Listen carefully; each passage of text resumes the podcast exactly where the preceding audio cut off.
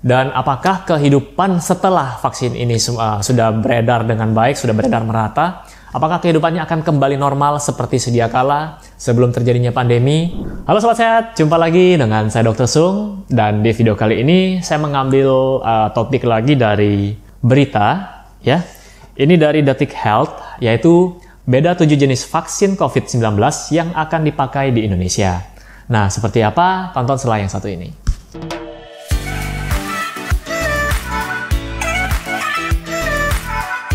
Oke Sobat Sehat, sebelum saya mulai videonya, saya mau menginfokan buat Anda semua yang sedang mencari produk-produk yang mendukung gaya hidup sehat, Anda bisa kunjungi boxsehat.com. Jadi di sana menyediakan produk-produk, uh, berbagai macam produk yang mendukung gaya hidup sehat, seperti suplemen, herbal, dan lain sebagainya. Mungkin ada beberapa produk yang cocok buat Anda. Oke, tonton videonya. Oke Sobat Sehat, jadi di sini ada beda 7 jenis vaksin COVID-19 yang akan dipakai di Indonesia. Oke, nah di sini dari Menteri Kesehatan Budi Gunadi Sadikin dalam keputusan Menteri Kesehatan nomor HK.01.07 garing Menkes garing 12758 garing 2000 telah menetapkan vaksin corona yang beredar di Indonesia. Jadi saya langsung bahas saja. Vaksin yang pertama adalah uh, dari Oxford AstraZeneca. Nah, jenis vaksin ini adalah vaksin vektor adenoviral rekombinan. Jadi, vaksin rekombinan menggunakan sebagian kecil materi genetik dari patogen seperti SARS-CoV-2 untuk memicu respon imun. Jadi bagian tertentu dari virus dapat menjadi sasaran dan vaksin ini umumnya aman digunakan pada populasi orang yang besar, bahkan mereka yang memiliki masalah kesehatan kronis atau orang dengan gangguan kekebalan. Nah, tapi kelemahannya adalah suntikan penguat mungkin akan diperlukan dari waktu ke waktu ya. Kemudian yang kedua, vaksin dari Sinopharm ya, China National Pharmaceutical Group Corporation. Untuk jenis vaksin ini memanfaatkan virus corona yang sudah dimatikan atau sering disebut dengan inactivated vaksin. Nah, untuk vaksin Sinopharm ini bekerja dengan mengajarkan sistem kekebalan untuk membuat antibodi melawan virus corona SARS-CoV-2. Antibodi menempel pada protein virus seperti yang disebut lonjakan protein yang menempel di permukaannya. Lalu setelah diberikan vaksin Sinopharm ini, sistem kekebalan tubuh dapat merespon infeksi virus corona hidup. Salah satu jenis sel kekebalan, yaitu sel B, menghasilkan antibodi yang menempel pada penyerang. Antibodi yang menargetkan spike protein dapat mencegah virus memasuki sel. Kemudian vaksin yang ketiga yaitu Moderna. Nah, jenis yang ini menggunakan messenger mRNA jadi vaksin mRNA COVID-19 memberikan petunjuk kepada sel tentang cara membuat bagian protein S yang tidak berbahaya. Jadi setelah vaksinasi, sel akan membuat potongan protein dan menampilkannya pada permukaan sel. Sistem kekebalan akan mengenali bahwa protein tidak termasuk di sana dan mulai membangun respon kekebalan dan membuat antibodi. Jadi antibodi itu adalah tentara yang dibuat oleh tubuh ya untuk melawan benda asing, salah satunya virus. Kemudian, jenis vaksin COVID-19 ini untuk orang yang berusia 18 tahun ke atas, vaksin ini membutuhkan dua suntikan yang diberikan selang 28 hari.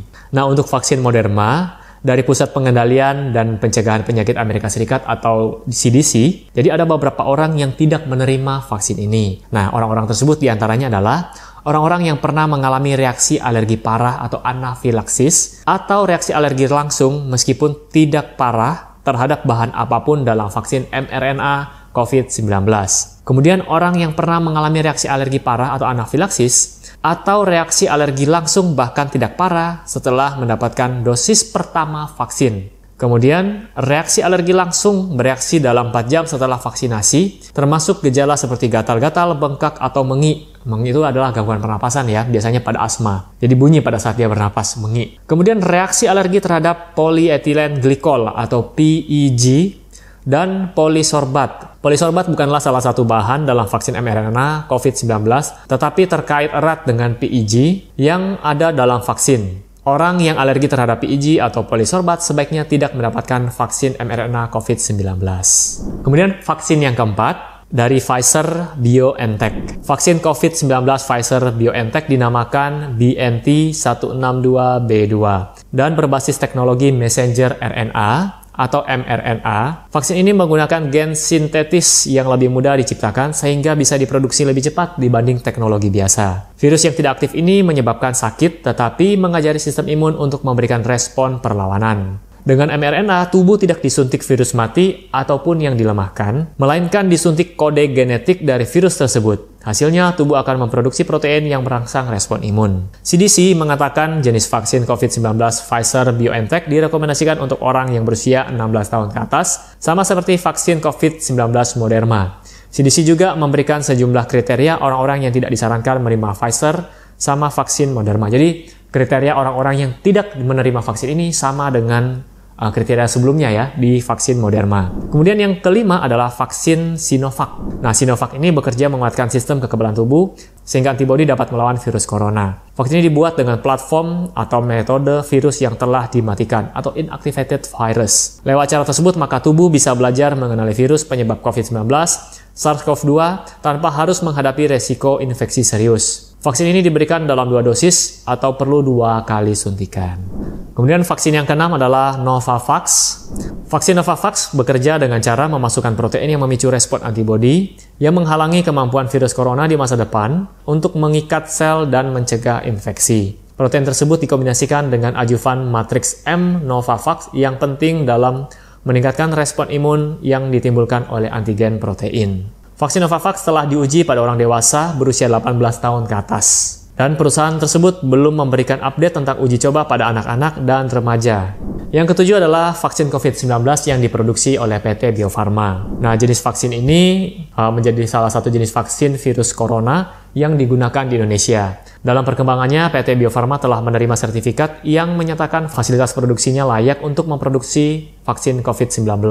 Sertifikat cara pembuatan obat yang baik atau CPOB atau GMP Good Manufacturing Practice ini resmi diberikan oleh Badan Pengawasan Obat-obatan dan Makanan atau kita singkat dengan BPOM kepada pihak Bio Farma. Nah, itu tadi adalah perbedaan dari tujuh vaksin yang beredar di Indonesia, yang digunakan di Indonesia ya. Dan ini akan membutuhkan waktu, saya juga tidak tahu sampai kapan, apakah setahun lagi, dua tahun lagi, tiga tahun lagi, sampai bisa tersebar merata vaksin ini dan apakah kehidupan setelah vaksin ini uh, sudah beredar dengan baik, sudah beredar merata? Apakah kehidupannya akan kembali normal seperti sedia kala sebelum terjadinya pandemi? Ya, kita bisa berkumpul lagi atau bagaimana? Saya juga tidak tahu. Tapi kemungkinannya kecil dan kemungkinannya juga adalah kita tetap menggunakan masker yang menjaga kebersihan. Ini akan terus dilakukan seterusnya. Kemungkinan besar akan terjadi seperti ini.